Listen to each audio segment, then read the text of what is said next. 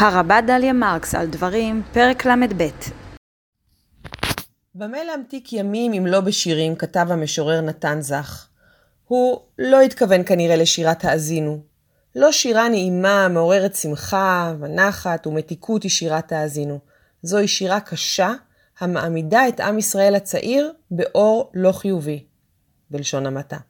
שירת האזינו חולשת כמעט על פרשה שלמה, גם אם קצרה, אחת משלוש הפרשות הקצרצרות המסיימות את חומש דברים ואת התורה כולה.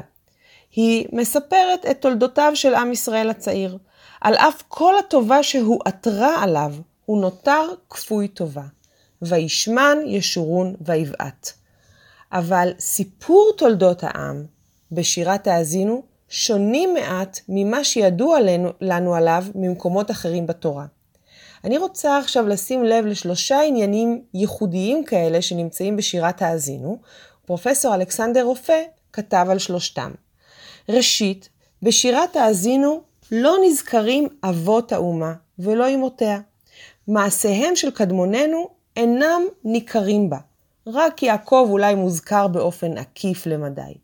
לפי השירה, הקשר בין האל ובין עמו התחיל במדבר, מצאהו בארץ מדבר, ובתוהו ילל ישימון, יסובבנו, יבונננו, יצרנו, כאישון עינו.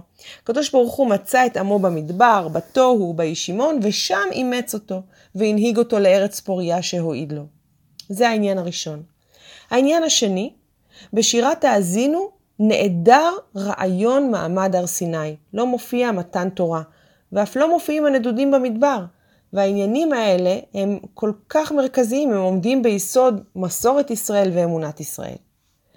והעניין השלישי, המיוחד לשירת האזינו, אין בה דרישה לחשבון נפש מצד העם, אין בה תביעה לבקשת סליחה, אין בה ציפייה למעשה התשובה. העם חטא ויענש, אבל גם יזכה לחנינה מאת האל. השירה מסתיימת במילים, הרנינו גויים עמו, כי דם עבדיו יקום, ונקם ישיב לצריו, וכיפר אדמתו עמו. הסליחה של האל אינה תלויה במעשיהם של ישראל, לפי השירה הזאת.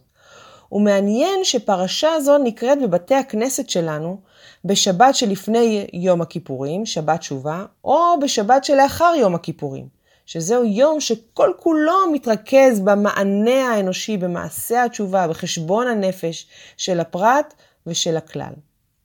אז אנחנו רואים כאן שלושה עניינים מיוחדים שאנחנו מוצאים אותם בשירת האזינו והם לא אופייניים למקורות אחרים קדומים של עם ישראל.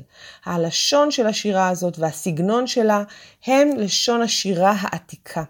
ואולי השירה, השתמרו בשירה, במסגרת השירה שמעצם טבעה משמרת, אה, אה, שירה משמרת את הצורה הקמאית שלה, אולי משתקפות בה אמונות עתיקות שהיו מקובלות בעם ישראל, וכך זכינו לראות גיוון של עמדות תיאולוגיות מכוננות בעם ישראל הצעיר.